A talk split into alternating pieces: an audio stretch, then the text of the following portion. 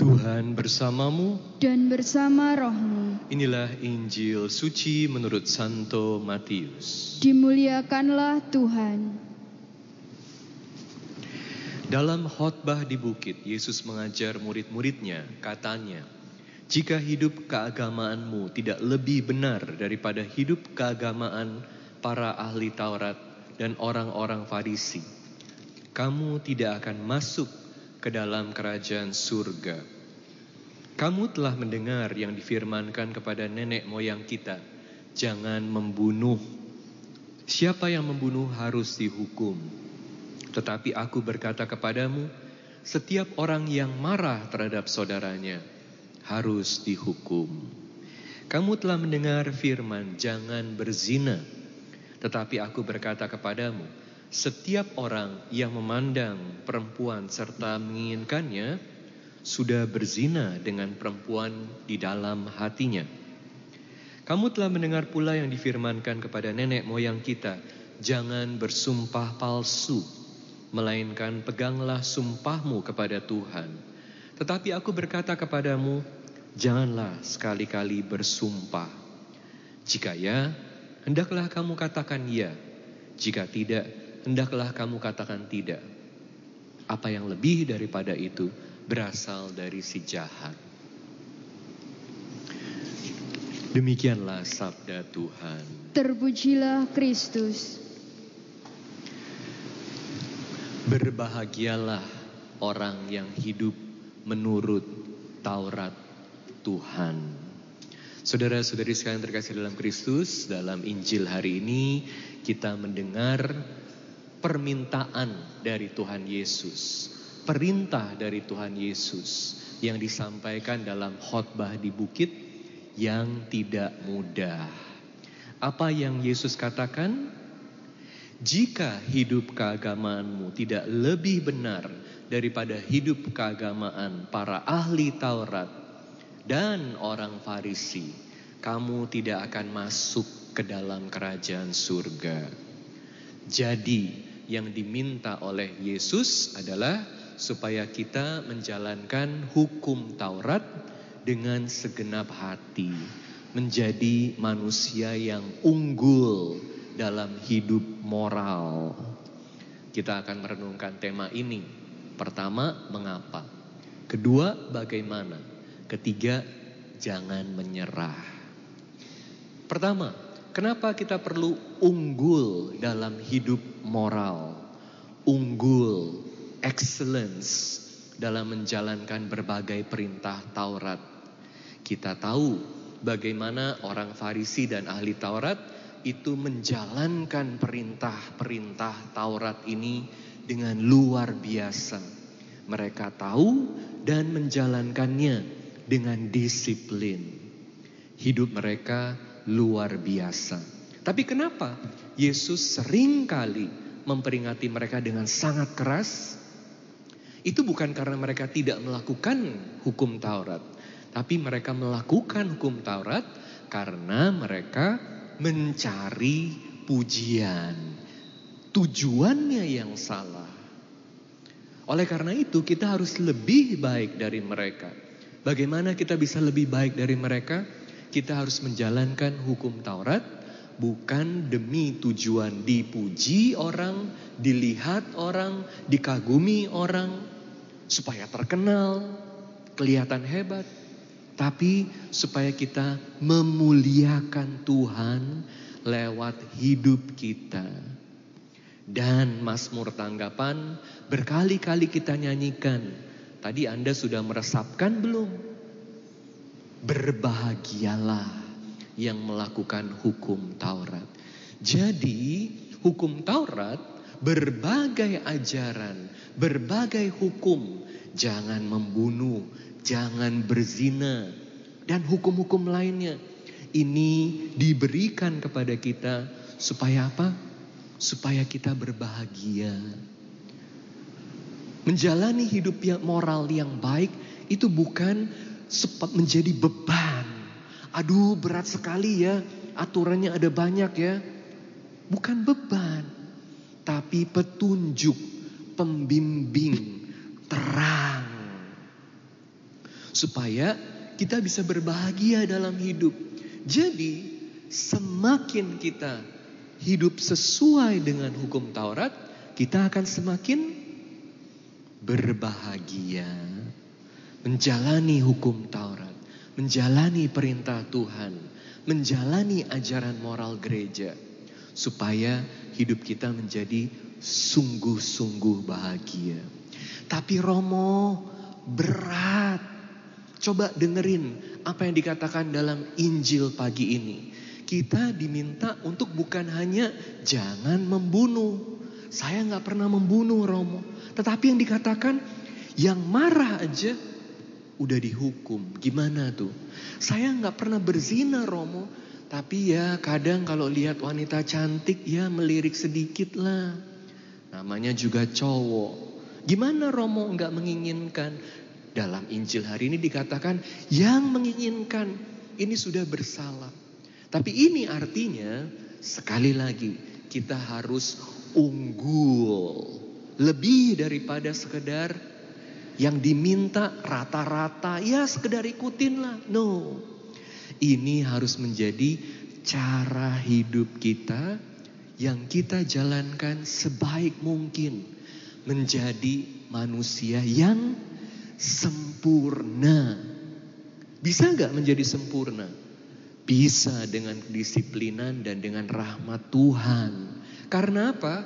Karena kita diciptakan segambar, secitra dengan Allah. Ulang ya. Kita diciptakan segambar, secitra dengan Allah. Jadi Jangan hanya mengatakan, ya Romo saya kan hanya manusia, saya lemah. No. Harus katakan, saya manusia bersyukur diciptakan segambar secitra dengan Allah dan bisa mencapai tujuan tersebut yang Tuhan sudah tanamkan dalam diri kita. Bacaan pertama mengatakan hidup atau mati ini ada di tangan kita. Kita harus memilih. Anda memilih mau menjadi citra Tuhan atau sebaliknya. Pilihannya ada di tangan Anda. Tapi tentu untuk jalan ke sana tidak mudah. Nah, bagaimana? Kita harus membangun kebiasaan baik hari demi hari, minggu demi minggu, bulan demi bulan. Sehingga dengan kebiasaan yang baik tersebut, kita menjadi kuat. Bagaimana kita bisa tahu kita sudah memiliki kebiasaan yang baik tersebut? Kalau kita mau menjadi sempurna seperti yang dikatakan dalam Injil, udah lihat tujuannya. Kita harus berkorban hari demi hari.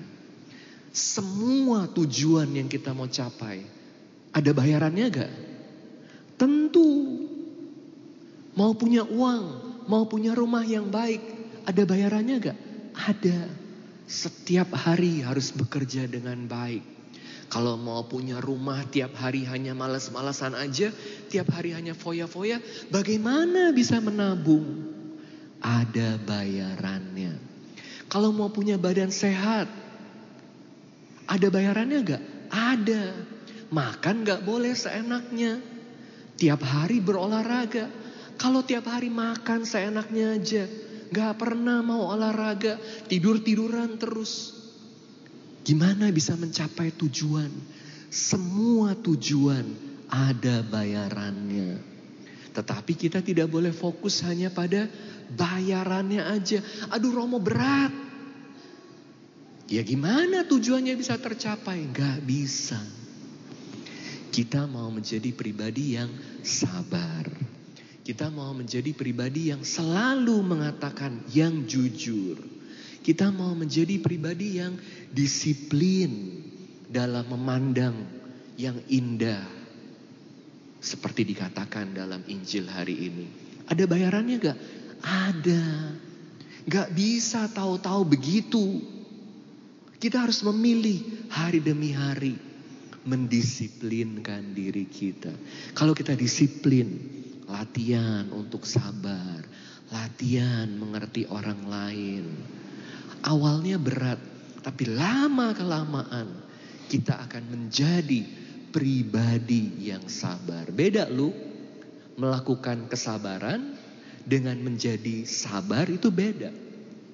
Melakukan ini hanya sekali. Tapi pribadi yang sabar ini sudah punya kekuatan. Kesabaran ini sudah ada dalam diri dia, menjadi bagian dari dia, menjadi kebiasaan yang baik yang menjadi sumber kekuatan.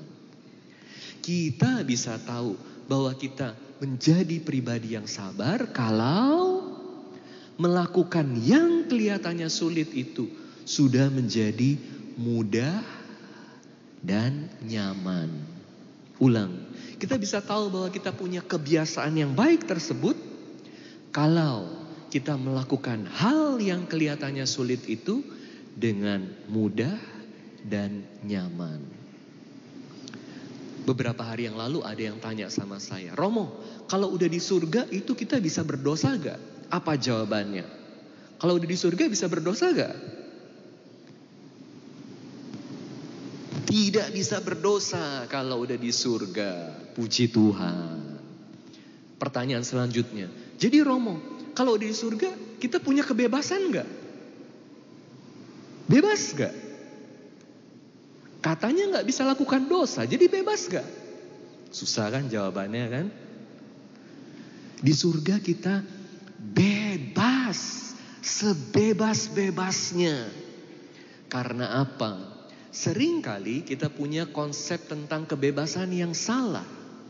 Kebebasan sejati itu bukan bebas untuk memilih antara yang baik atau yang tidak baik, yang benar atau yang salah, dosa atau kebaikan. Ini bukan kebebasan sejati. Kebebasan sejati adalah kemampuan untuk selalu memilih yang benar selalu memilih yang baik. Kita menjadi pribadi yang bebas. Sudah mulai di dunia saat kita selalu memilih yang baik. Contoh, kalau orang belajar main piano, itu kan di awal belajar scaling. Do, re, mi, fa, sol, la, si, do. Terus, di awal banyak salah. Latihan satu hari, satu jam. Satu minggu setiap hari. Satu bulan, satu tahun. Setiap hari lakukan hal yang sama. Hal yang sama. Sesudah lima tahun latihan. Merem aja udah bisa lakukan. Gurunya bilang, coba kamu bikin kesalahan. Sudah diperintah oleh gurunya bikin kesalahan. Bisa gak? Gak bisa. Karena sudah mencapai kebebasan yang sempurna. Kesempurnaan dalam kebebasan. Jadi walaupun disuruh bikin salah, gak bisa salah. Ini orang yang sudah mencapai keunggulan dalam hidup moral. Jadi kalau kita sudah punya kebiasaan baik ini dengan sempurna. Disuruh buat salah, gak bisa salah. Karena rasanya Aku nggak bisa lakukan itu, nggak kuat untuk lakukan dosa. Ini yang harus kita capai. Perjuangan hari demi hari, bulan demi bulan, tahun demi tahun. Menjadi orang bijaksana yang selalu melihat tujuan yang jelas dan kuat. Bertumbuh dalam kebiasaan baik, keutamaan. Dan ini yang harus kita kejar dalam hidup. Bukan hal yang lain-lain. Yang lain-lain ini bisa hilang. Tapi keutamaan kebiasaan baik ini kita bawa sampai mati, sampai surga. Yang lain semua ditinggal. Nah, untuk itu kita perlu rahmat Tuhan. Rahmat Tuhan ini yang selalu akan memampukan kita. Rahmat Tuhan yang membawa kita pada pertobatan lagi dan lagi dan lagi. Saat kita gagal, minta maaf, mohon bantuan Tuhan supaya diberi kesempatan lagi, supaya bisa melakukan lagi, mencoba lagi. Jadi jangan berhenti kalau kelihatannya susah. Sampai nanti kalau kita tua, udah tua, badannya udah lemah, tapi hatinya kuat, kehendaknya kuat, selalu mengusahakan yang terbaik, melakukan yang baik. Fisik boleh lemah, tapi hati semakin kuat. Mau gak Anda jadi pribadi seperti ini? Dan ini yang Yesus minta dari kita. Pribadi yang unggul. Dan ini kita capai lewat hal-hal kecil. Hari demi hari dari masih muda. Melakukan berbagai kebaikan bukan untuk dipuji seperti orang Farisi. Tapi karena kita tahu berbagai kebaikan yang kita lakukan, yang kita pilih hari demi hari, membuat hati kita semakin kuat dan semakin kuat, semakin menjadi seperti Allah. Mother Teresa kan ingatkan, gak semua orang bisa lakukan hal besar, tapi semua orang bisa lakukan hal kecil dengan kasih yang besar. Kalau melakukan hal kecil dengan kasih yang besar, ini artinya kita sudah melakukan yang benar, yang harus dilakukan. Beberapa tahun lalu ada seorang Romo namanya Romo Joaquin. Romo Joaquin. Dia tinggal di Valencia. Di Valencia di Spanyol. Dia melakukan tugasnya dengan penuh dedikasi, dengan penuh kasih. Satu hari dia melihat, dia mengalami dipanggil sama satu uh, daerah di mana di paroki dia ada seorang anak cewek yang kena luka bakar. Jadi dia langsung datang, dia lihat anaknya ini kena luka bakar karena ditinggal di rumah sendiri. Jadi dia pikir sejak itu karena kasihnya, kepeduliannya, dia memutuskan harus buat satu pusat di mana anak-anak bisa dijaga yang orang tuanya pada tinggalin. Karena di tempat dia ada banyak sekali orang gak mampu. Tapi tentu untuk itu dia perlu uang. Padahal dia gak punya banyak dana di parokinya. Jadi dia cari akal sampai akhirnya dia lihat ada satu peluang. Ah, kalau di keluarga-keluarga pas pesta atau pas Natal itu ada botol-botol dari botol wine, dari botol whisky ya yang kosong yang dibuang aja. Dia bilang saya mau kumpulin supaya ini bisa ditukar, di recycle jadi uang walaupun sedikit nggak apa-apa. Luar biasa. Dia kumpulin botol-botol ini, dia sendiri yang kumpulin. Ada banyak orang lihat, anak-anak muda lihat. Mereka juga tergerak kita mau bantu Romo Joaquin. Keluarga-keluarga punya komitmen untuk dikumpulin. Sampai akhirnya botolnya banyak sekali. Dan bisa jadi uang lumayan. Kemudian dia sadar kita bisa lakukan lebih dari kumpulin botol itu dan di recycle. Mulai dipisahin. Yang mereknya sama dijadiin satu. Dijual ke pabriknya. Dapat uang lebih besar. Karena bisa dipakai lagi dapat uang lebih banyak. Sampai akhirnya dia bisa bantu banyak orang. Ada banyak orang yang tidak punya rumah. Dia bantu bikinin rumahnya lewat botol bekas. Jadi Romo Joaquin katakan setiap botol bekas ini adalah satu bata yang bisa membangun rumah buat orang-orang yang gak punya rumah. Luar biasa ya. Dia kemudian diinterview di TV dan makin banyak orang lagi yang bantu dia. Dia dikenal sebagai Romo Botol. Padre Botilia. Karena dia selalu kumpulin botol. Tapi dengan botol kosong ini. Dia bantu banyak sekali orang. Hal yang kelihatannya sederhana. Hal yang kelihatannya kecil. Botol kosong tapi dilakukan dengan penuh kasih menjadi hal yang besar. Hidup kita juga demikian. Lakukan seperti Mother Teresa katakan. Banyak hal kecil dengan kasih yang besar dan Anda akan bertumbuh menjadi pribadi yang luar biasa. Unggul dalam moralitas dan dengan demikian kita juga menjadi pribadi yang sangat berbahagia. Amin. Tuhan bersamamu dan bersama rohmu. Inilah Injil suci menurut Santo Matius. Dalam khotbah di bukit, Yesus mengajar murid-muridnya katanya, Janganlah kamu menyangka bahwa aku datang untuk meniadakan hukum Taurat atau kitab para nabi. Aku datang bukan untuk meniadakannya, melainkan untuk mengganapinya. Karena sesungguhnya aku berkata kepadamu, selama belum lenyap langit dan bumi ini, satu huruf kecil atau satu titik pun tidak akan ditia, tidak adakan dari hukum Taurat sebelum semuanya terjadi.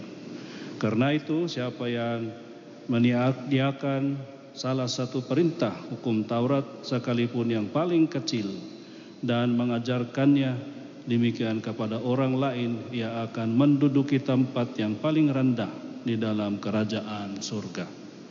Tetapi siapa yang melakukan dan mengajarkan segala perintah Allah, Taurat, ia akan menduduki tempat yang tinggi di dalam kerajaan surga.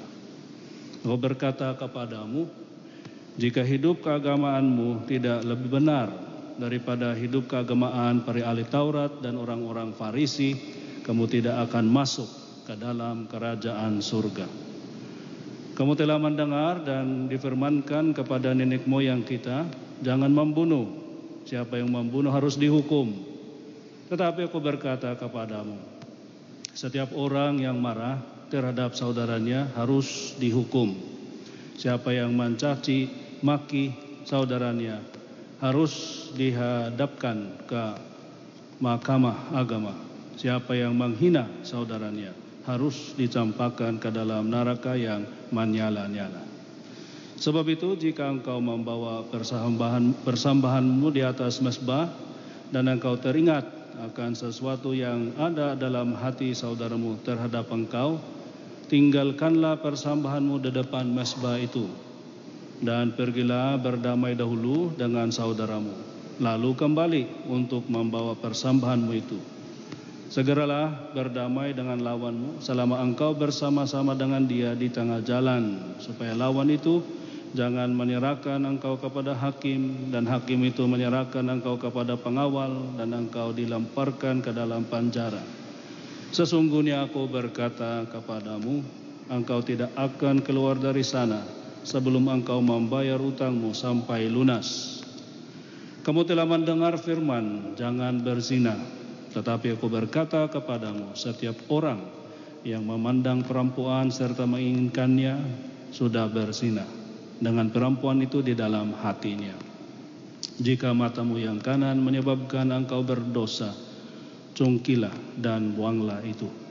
Karena lebih baik bagimu jika satu dari anggota tubuhnya binasa daripada tubuhmu dengan utuh dicampakkan ke dalam neraka.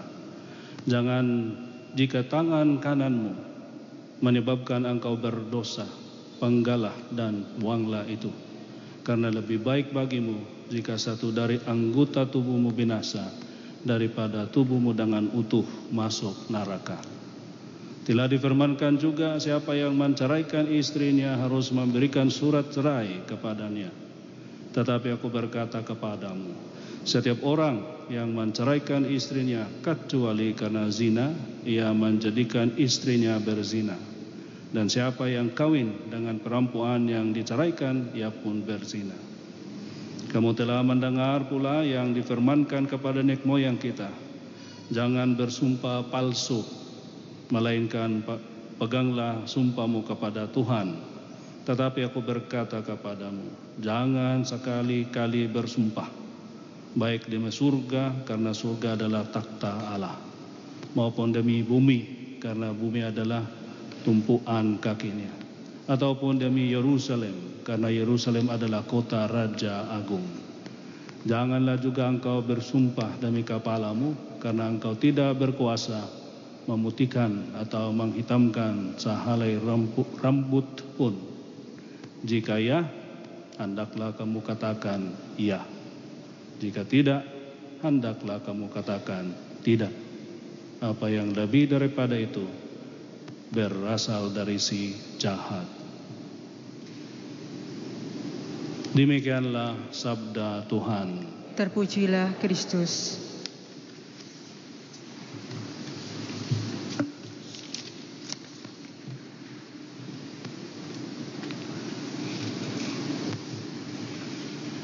Asal sungguh mau engkau dapat menapati hukum dan berlaku setia pun dapat kau pilih.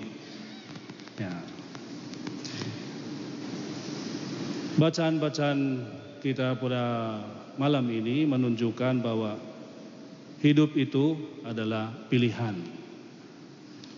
Dan yang lebih tepat adalah kualitas hidup kita tergantung pilihan kita. Nah, pilihan itu selalu ada yang benar, ada yang palsu, ada yang bagus, ada yang ada yang tidak. Jadi kalau kita ambil yang tidak benar, yang palsu, yang jahat, pastilah kita ke arah sana. Tetapi kalau kita uh, ambil atau pilih yang bagus, yang baik, dan kita ke arah sana juga. Jadi hidup kita tergantung pilihan kita. Nah, pilihan itu bukan hanya saat awal mulai saja. Ini pilihan ini berlanjut di dalam prosesnya. Ya. Karena kalau sudah ambil pilihan, contoh apa yang saya mau ambil sebagai jurusan kuliah. Oh, saya ambil manajemen. Nah, tapi nanti ada pilihan lagi. Apakah saya masuk sekarang atau tidak? Apakah saya belajar malam ini atau tidak? Apakah saya melakukan PR kami atau tidak? Nah, ada pilihan terus menerus. Kalau yang kita pilih yang benar hanya awalnya dan selanjutnya salah-salah terus, ya itu hancurlah pilihannya. Nah itu yang pertama. Jadi ada yang mengatakan, oh saya gak punya pilihan. Terpaksa untuk melakukan hal yang jahat. Itu gak benar. Gak benar. Mungkin yang lebih tepat katakanlah Kadang-kadang kalau pilih yang benar itu susah. Nah itu ternyata bukan tidak ada pilihan, tapi gak berani. Karena mungkin akibatnya susah. Kalau saya memberhentikan ini, saya saudara uh, paham sekarang ini salah. Hmm, ada penipuan sedikit, sedikit atau besar ya penipuan sama. Tapi kalau saya berhentikan, bagaimana untung saya nanti mengurang? Nah itu yang menjadi pilihan lagi. Kalau gak berani di apa saja di pertahan, ditahankan diri ya gak ada pilihannya. Itu harus itu karena kalau gak bagaimana untungnya? Bukan gak ada pilihan, orangnya gak berani saja. Karena lebih di bertambangkan timbangkan dipilih yang keuntungan meskipun itu dari cara yang gak benar. Jadi pilihan itu selalu ada. Yang terjadi saja ada pilihan yang berat. Oh, keluarga kami ini bertengkar terus. Uh, saya maunya ada damai di dalamnya. Hmm, apa yang diminta. Ternyata dia menjadi lebih jujur, lebih tepat, lebih taat, lebih setia kepada istri atau suaminya. Tapi ya gimana saya tinggalkan atau putus hubungan yang gak sah itu gimana? Hmm. Tapi dia selalu berharap ada damai di keluarga itu. Tapi penyebabnya dia gak bisa lepas tangan karena gak berani, bukan karena gak ada pilihan. Jadi pilihan itu ada. Nah sekarang gimana kita bisa ambil pilihan dan lebih bertahan selanjutnya ada satu prinsip lagi. Ambillah keputusan tanpa alasan. Ya, tanpa alasan. Mengapa? Karena alasan itu kalau sudah masuk bisa menghancurkan keputusan atau pilihan kita tadi. Ada yang secara bebas saja berjanji kepada orang yang dia cintai itu perempuan, biasanya laki-laki yang bersumpah. Nah, saya mau ke, saya sangat mencintai Anda. Ya, saya bisa melakukan apa saja untuk Anda. Saya bisa menyeberang sungai, naik ke gunung dan memetik bintang-bintang di langit. Ya itu sudah gak benar itu. Tapi ya itu sebagai puisi supaya dia uh, menyampaikan bahwa wah cintanya luar biasa. Berusaha memetik bintang di langit untuk orang yang dia cintai itu. Dan perempuannya senang karena wah ini bagus sekali, enak didengarin. Dan dia tanya, apakah besok datang ke rumah dan kita jalan-jalan setelah itu? Wah iya, saya datang. Tapi kecuali ya kalau ada krimisnya. Oh, cuman krimis saja sudah bisa membatalkan. Nah itu omong-omong kosong. Karena ada kecualinya. Harus gak ada alasannya. Alasan yang tepat. Karena kadang-kadang ada juga alasan yang tepat. Ya saya dulu ya mau meningkatkan cara olahraga saya. Saya mau lari-lari atau jogging di di dalam di, di, di, di sekeliling gereja pagi-pagi.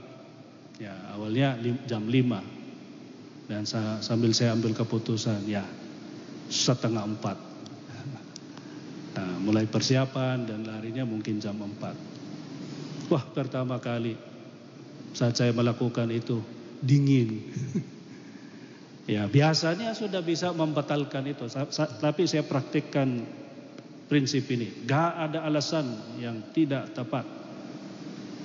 Sebenarnya dingin itu ada alasan. Mengapa? Karena ada AC-nya. Dan siapa yang menyalakan AC? Saya. Mengapa saya batalkan keputusan saya untuk uh, jogging? Yang dibatalkan atau yang diberubah setting AC-nya. Jam 2 sudah mati karena ada timer kan. Jadi uh, dinginnya ya lumayan, gak terlalu melawan kemauan untuk berolahraga. Saat turun satu kali krimis. Wah, saya ingat ini gak alasan yang benar ini. Karena krimis itu ya pakai anu saja nah, sweater ya atau jaket atau apa yang melindungi kepala. Karena kalau Asia itu pikirannya kalau kepalanya karena hujan bisa demam nanti. Ya, sudah bisa diatasi. Satu kali lagi hujan, hujan deras. Kalau cara ambil keputusan itu ada kecualinya ini sudah. Saya berolahraga setiap hari kecuali hujan ya gitu kan.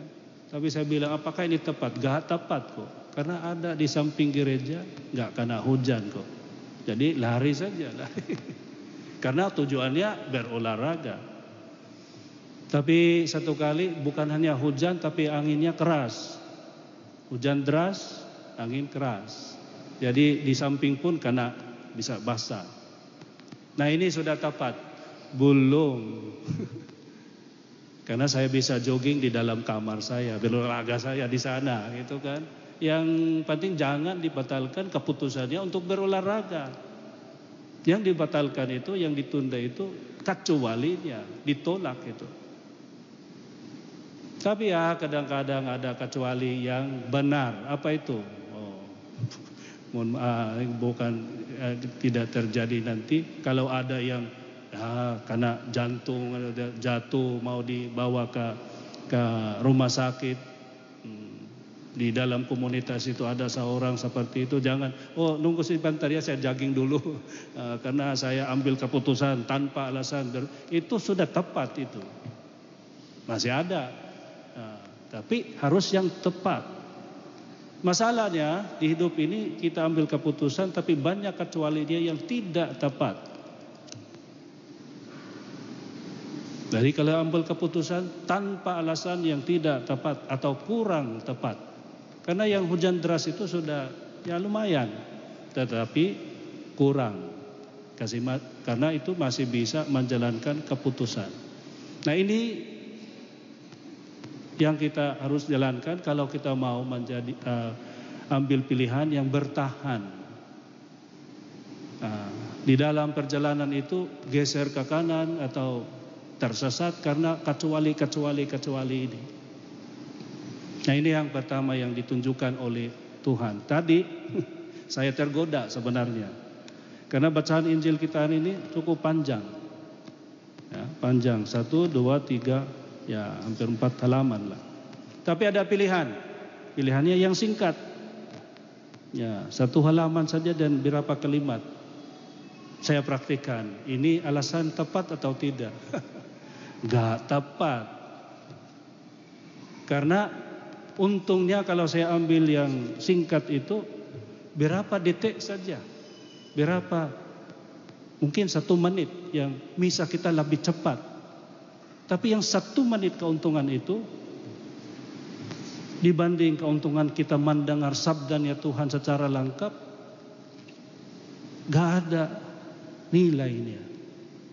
Tetapi kalau maunya yang cepat karena dalam zaman ini mau cepat-cepat dan maunya yang ringan ngapain itu panjang sekali? Wah salah paham salah prioritas kita datang untuk menyembah Allah, mendengar sabdanya, dan dipersingkat karena maunya lebih cepat. Itu bukan alasan yang tepat. Tapi bisa menggoda beberapa orang. Kalau lagu itu dipersingkat lagi, gak menghormat, menghormati tujuannya penulis itu. Oh karena panjang, panjang atau singkat, apakah itu alasan? Oh, kalau panjang ya lama, lamanya bagaimana? Hanya beberapa detik kok. Nah, kelihatan sekarang uh, di gereja ini biasanya lebih penuh dari sekarang. Mengapa menguram? Hujan. Jadi motivasi ternyata di beberapa orang kita bukan yakin tapi kelihatannya kita gak bisa menghakimi orang tapi kelihatannya ini terjadi karena motivasi orang itu untuk datang menyembah Allah hanya kepingin. Nah itu ya motivasi yang sudah kuat tapi ada yang lebih kuat lagi. Dia merasakan butuh, kebutuhan untuk ikut misa, menyembah Allah, berdoa dengan sesama itu kebutuhan. Bukan kepinginan saja, pingin saja. Mungkin ada yang di antara mereka sudah mandi, sudah siap-siap, hujan. Nah, besok saja. Nah itu. Ada yang sudah jalan sebenarnya, jalan. Tetapi di tengah perjalanan itu dapat pesan dari teman. Kami sekarang di mall mau makan malam dan setelah itu nonton bioskop uh, di film di bioskop itu. Mau ikut gak? Langsung saja dengan mudah muter ya kembali gak. Sudah ke gereja itu. Tapi karena ada undangan yang lebih menarik lagi, dibatalkan keputusannya. Karena gara-gara gak 100% ada kecualinya yang gak tepat. Nah itu yang kita harus amati. Apakah keputusan kita sehari-hari itu seperti itu? Kalau seperti itu pastilah maju mundurnya lebih mundur daripada maju. Maju sedikit mundur mundur mundur, maju sedikit mundur mundur mundur. Karena berubah terus tergantung suasananya, cuacanya, keinginannya. Gak bisa tahan, mempertahankan keputusan. Dan satu lagi dari bacaan Injil kita, Tuhan menekankan, jangan secara langsung saja puas dengan tujuan yang rendah, yang minim. Ya, ada yang nah, paling tidak kita ikut misa. Jangan yang di paling tidakan semuanya, yang minim saja. Harus kita ke maksimum, ke optimalnya. Kalau dulu dikatakan bahwa kamu kalau kamu anu membunuh, jangan membunuh. Sekarang Tuhan hanya marah-marah sudah gak bisa. Kalau kamu berzina, ya gak, jangan. Tapi hanya berpikir sudah gak bisa. Mengapa? Nah sama tadi, jangan ada kecualinya. Ini biasa bisa saja saya berpikir enggak Eh, karena gak ada yang tahu kok. Ini tersembunyi kok. Saya gak mengalahkan atau menyakiti orang kok. Cuman saya nikmati ini pikiran ini, gambaran ini secara pribadi saja. Kalau kita sudah mulai buka sedikit pintu saja, sedikit kemungkinan, di situlah masuk iblis untuk menjatuhkan kita, menggoda kita. Nah ini uh, kita diingatkan, kalau ambil keputusan tanpa alasan yang tidak tepat atau kurang tepat, dan kalau mimpi atau ambil tujuan hidup itu jangan saja yang rendah, yang paling tinggi kalau bisa. Mengapa? Bukan karena kita ini gak realistis kok. Kemarin saya ambil keputusannya uh, belajar uh, itu mencelup bola, dang.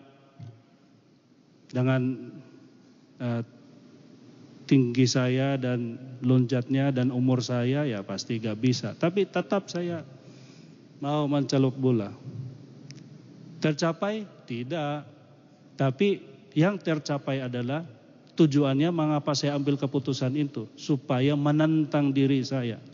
Itu satu motivasinya untuk untuk lebih sehat, bisa berolahraga yang lebih keras. Karena mau mencapai tujuan itu. Enggak tercapai tujuannya yang sangat tinggi itu. Karena kalau mau mencalok bola, di dalam basket itu harus ya paling tidak tiga kaki lah loncatnya, tinggi loncatnya. Enggak terjadi, tapi yang terjadi adalah saya lebih sehat. Dan saat diundang untuk bersepedaan ke Madura, saya bisa jawab ya. Tapi, nah ada tapinya, saya gak punya sepeda. Dan ibu dan Romo Adrian dengar, wah gak apa-apa. Se uh, sebentar saja saya dapat dua sepeda. Nah, ada untungnya karena gak yang bermimpi tinggi. Ada frater di sini mengeluh karena satu syaratnya untuk ke Filipina itu harus berbahasa di antara satu di antara tiga ini. Inggris, Spanyol, Prancis. Pilih yang mana? ya mereka bisa pilih Inggris. Oke, Inggris. Susah. Saya cari anu gimana ya? Ya, karena benar susah itu. Sudah menjadi alasan itu. Saya gak bisa karena susah, karena susah, susah, susah yang dipikirkan itu. Nah, susah, oke. Okay. Nah, saya coba belajar bahasa Mandarin. Um, untuk menunjukkan kepada mereka kalau bahasa Inggris itu susah, cobalah Mandarin. Dan ditunjukkan bahwa Mandarin pun bisa menjadi mudah, tergantung motivasinya. Mungkin di antara sekarang ada yang mengatakan itu benar itu, Mandarin itu uh, susah itu. Nah, saya kasih gambaran. Nulis itu susah, gampang hafalkan huruf itu, karakternya. Tergantung motivasinya. Kalau ada orang yang kasih bilang setiap huruf yang kamu bisa nulis itu, wow, ya, kalau sudah bisa menulis itu dapat seribu US dollar. Wah, gampang sekali itu. Bukan hanya wo, ni, I. Kalau kalimat bisa bikin kalimat uh, bahasa Mandarin dapat 2000 US dollar. Wah. Wo, ai, ni. Oh, langsung. ni, ai, wo. Nah, sudah. Uh, ni hao ma. Hmm. Wo heng hao. Nina Woye, engkau. Nah, udah dapat dua berapa ribu itu. Mengapa bisa? Karena motivasinya. Nah itu. Jadi pada akhirnya kita lihat juga motivasi kita. Kalau hanya kepingin, kepingin menjadi orang baik, kepingin ikut Yesus, Tuhan Yesus. Kalau ada susahnya, pastilah mundur. Tapi kalau kita termotivasi karena kita merasa ini kebutuhan, bukan hanya pingin saja. Nah bisa jadi kita menjadi pengikutnya Tuhan Yesus yang benar-benar taat dan setia. Amin. The Lord be with you. and with your spirit. A reading from the Holy Gospel according to Matthew. Glory to you, O Lord. Jesus said to his disciples, I tell you, unless your righteousness surpasses that of the scribes and Pharisees, you will not enter the kingdom of heaven. You have heard that it was said to your ancestors, You shall not kill, and whoever kills will be liable to judgment. But I say to you, whoever is angry with his brother will be liable to judgment. You have heard that it was said, You shall not commit adultery. But I say to you, everyone who looks at a woman with lust has already committed adultery with her in his heart. Again, you have heard that it was said to your ancestors, Do not take a false oath, but make good to the Lord all that you vow. But I say to you, do not swear at all. Let your yes mean yes, and your no mean no. Anything more is from the evil one. The Gospel of the Lord. Praise to you, Lord Jesus Christ. Please be seated. There is an old song, by now it is old, but it is very popular to people of my generation. And I can see some here who are of my generation. You will know the song by heart, even those who are in, who are in their 40 something, maybe. It's very popular, but if you look at it, the way I look at it, it is the most conflicted song in the world. You will know why. The title of the song is Honesty.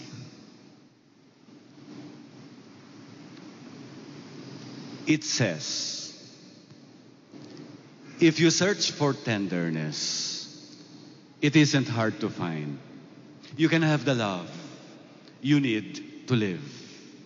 Incidentally, in two days' time, it will be Valentine's Day. So maybe many people are looking for tenderness. It isn't hard to find. You can have the love you need to live.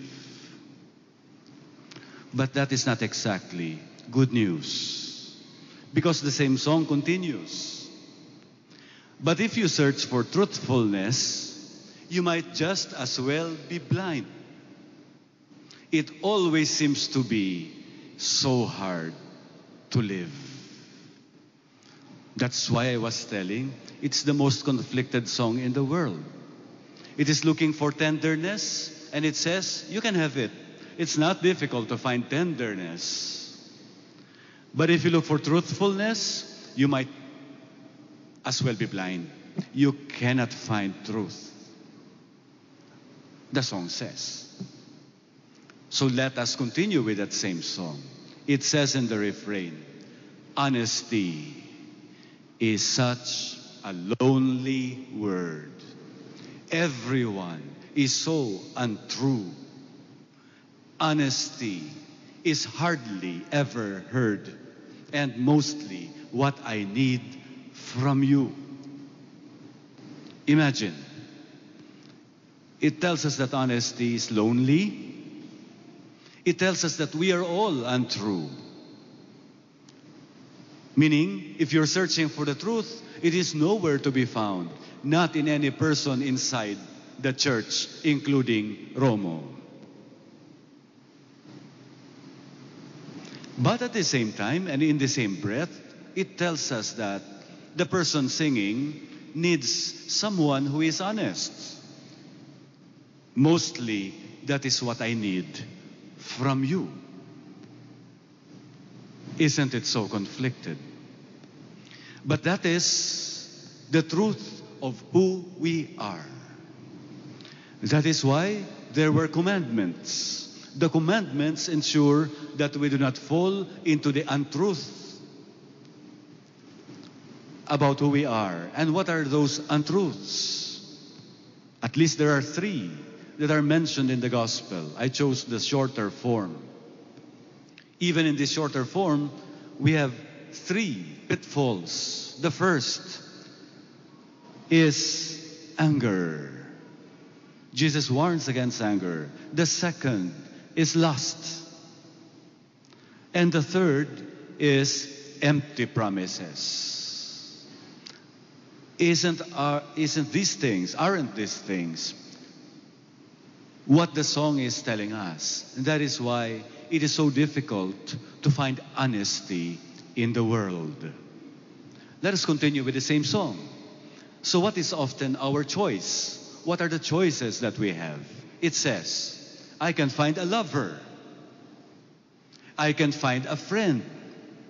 I can have security until the bitter end.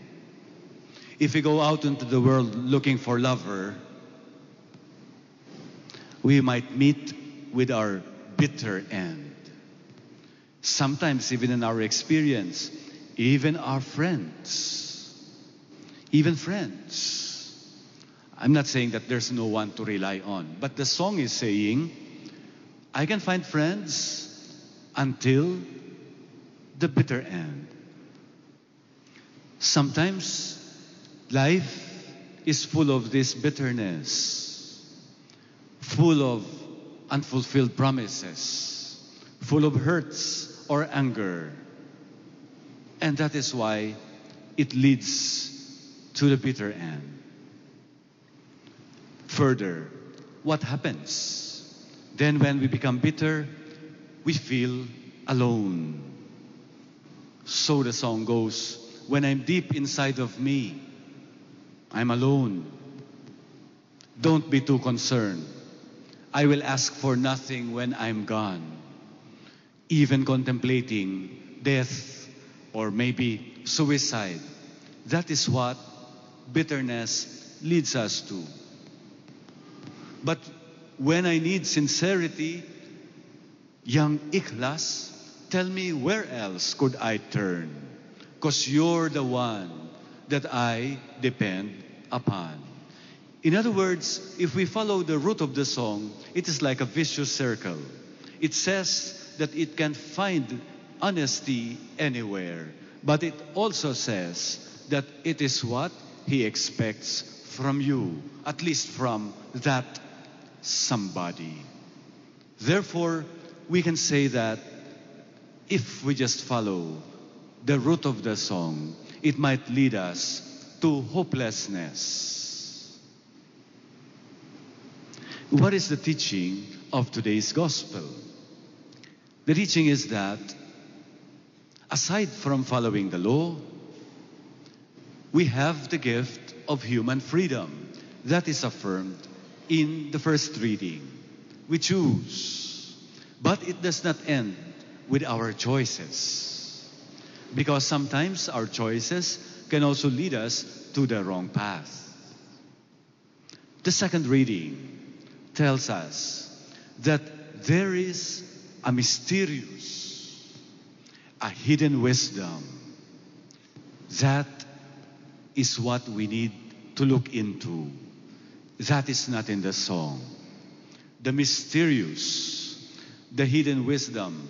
None of the rulers of this age know that secret because it is only the Spirit of God working in our hearts that will, that will allow us to scrutinize even the depths of God Himself. It is that spirit of wisdom that will lead us to be better than the song. If the song ends in bitterness, the promise of the Lord ends in our betterness. We become our authentic selves only by the work of the Spirit in us. And that is why the Lord carefully reminds the scribes and the Pharisees. He is not condemning them. We can actually be like the scribes and the Pharisees. They are a tender people. Tender because they pay attention to the words of the law. The responsorial psalm says, Blessed are they who follow the law of the Lord. These are the scribes and the Pharisees, straining, listening to what God tells them. They are blessed. But Jesus opens for us an even greater way, an even greater blessing. It is beyond the works of the law. It is beyond obedience to the law. It is living in the Spirit. The Spirit of God is given to us in our baptism when we become members of the church. The Spirit of God works when we are gathered, when we listen to His Word. He is working in your heart right now. That is the Spirit of God. The Spirit of God works when we receive Him in the sacraments, when we take Him home. That is the Spirit of God. And the same Spirit works when we pray to God in the secret of our heart. It is that same Spirit that allows us to say yes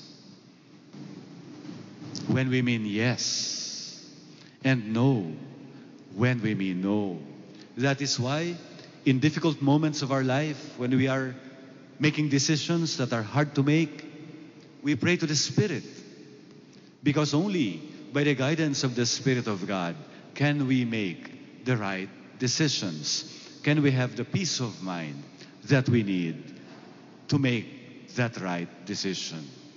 Brothers and sisters, in today's word, the Lord reminds us of something higher, of a value that is higher to obedience to the letters of the law. And that is to the Spirit of God working in us, allowing us to understand the will of God for us in our life. Let us embrace that Spirit of the Lord so that we too may be able to live our lives empowered by the same Spirit, so that we may come to know God's will and live it in our lives. Tuhan bersamamu. Dan bersama rohmu, Inilah Yesus suci menurut Matius. dimuliakanlah Tuhan.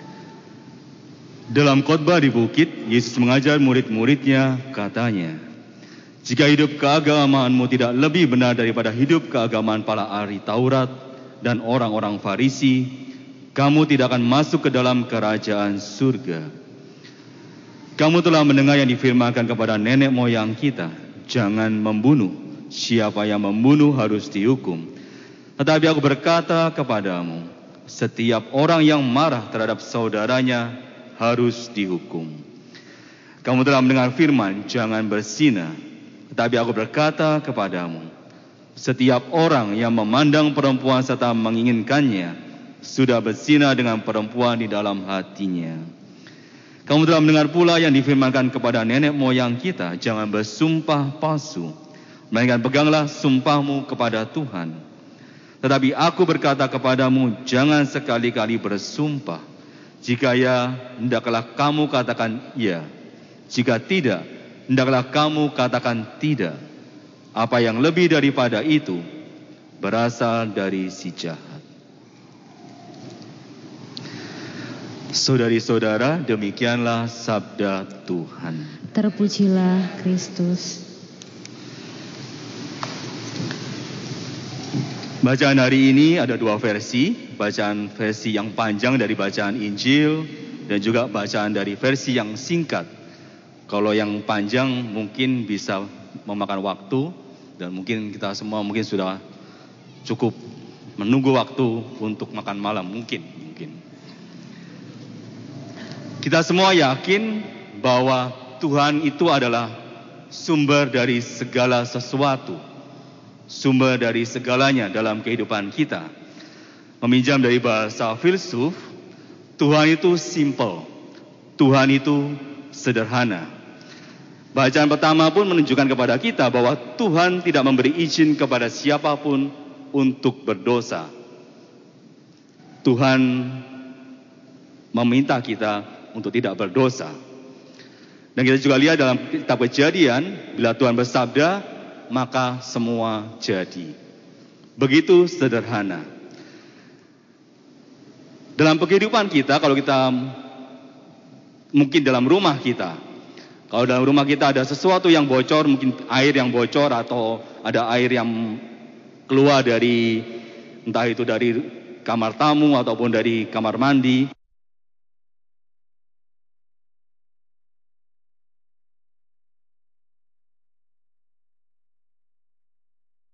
Kita akan melihat bocornya di mana.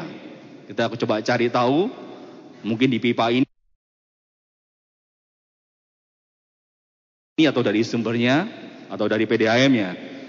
Kalau mungkin pun juga kalau ada listrik yang padam ataupun dari kita sedang berbuat sesuatu, sedang bekerja, tiba-tiba listrik padam, kita akan cari tahu apakah dari PLN mati yang tidak ada listrik dari PLN atau dari saklar kita.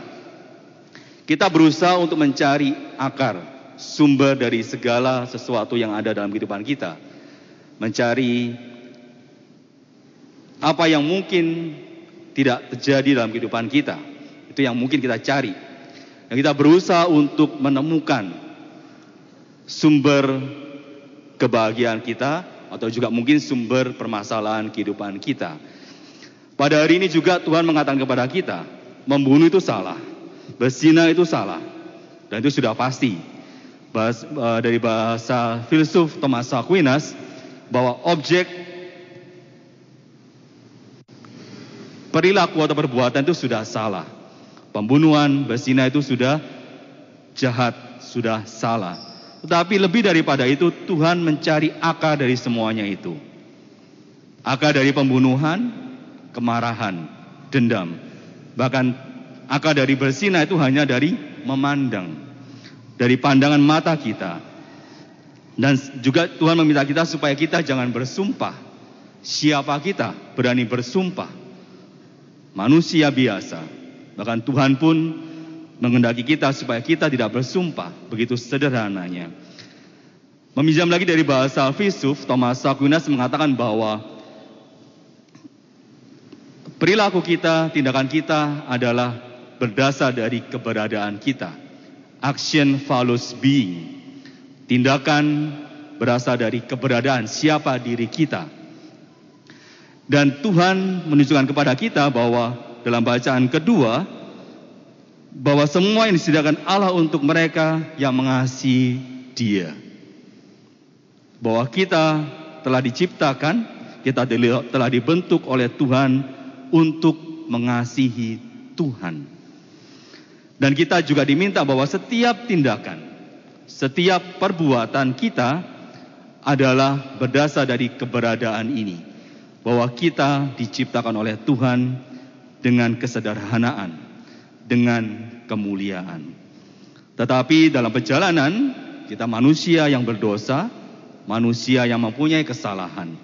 Bagaimana kita bisa kembali ke dalam kehidupan berahmat ini juga menyadari bahwa apa yang kita hidupi ini mungkin keliru, salah. Yang pertama, kita bisa belajar kerendahan hati. Kita rendah, merendahkan diri di hadapan Tuhan, mencoba berkaca kehidupan kita. Bagaimana kita hidup sehari-hari, apakah hidup kita kita hidup dalam kedamaian, tidak marah-marah dengan keluarga mungkin, dengan anak-anak mungkin, atau mungkin dengan tetangga atau mungkin dengan teman gereja kita lebih memilih untuk ya berdamai. Mungkin untuk diam untuk melihat dan mencoba untuk memahami mengampuni daripada kita marah-marah. Yang nantinya mungkin bisa mencapai bahwa kita mungkin sampai harus melenyapkan orang tersebut. Tapi bagaimana kita hidup dalam kedamaian? Dan juga bagaimana kita berkaca dalam setiap hal yang kita lakukan lewat pandangan mata kita. Apakah mata kita benar-benar murni, benar-benar lurus seperti yang diminta, diminta oleh Tuhan. Lalu bagaimana kita juga memohon rahmat Tuhan sebagai manusia yang selalu berbuat salah, manusia yang sering kali jatuh dalam dosa, kita membutuhkan rahmat Tuhan. Dan bagaimana kita menyadari rahmat Tuhan ini, bahwa kita diciptakan, kita sudah dibentuk oleh Tuhan untuk mengasihi Tuhan sendiri. Dan dalam rahmat Tuhan ini, kita memohon kepada Tuhan supaya kita semua hidup dalam kasih. Dan semuanya ini tentunya kita menyadari bahwa semuanya berpusat pada kasih. Tuhan yang adalah kasih. Bila kita semua hidup berusaha memusatkan diri kita kepada Tuhan, kepada kasih, ya kita boleh yakin bahwa kita selalu berada dalam perlindungan Tuhan, berada dalam rahmat Tuhan. Dan harapannya semua yang kita lakukan adalah tertuju kepada Tuhan yang maha baik, Tuhan yang begitu sederhana, Tuhan yang membuat kita kembali kepada kehidupan kita yang penuh rahmat, dan bagaimana kita mencoba hari demi hari untuk hidup dalam perintah Tuhan. Bahwa perintah Tuhan inilah yang akan membawa kita kepada keselamatan.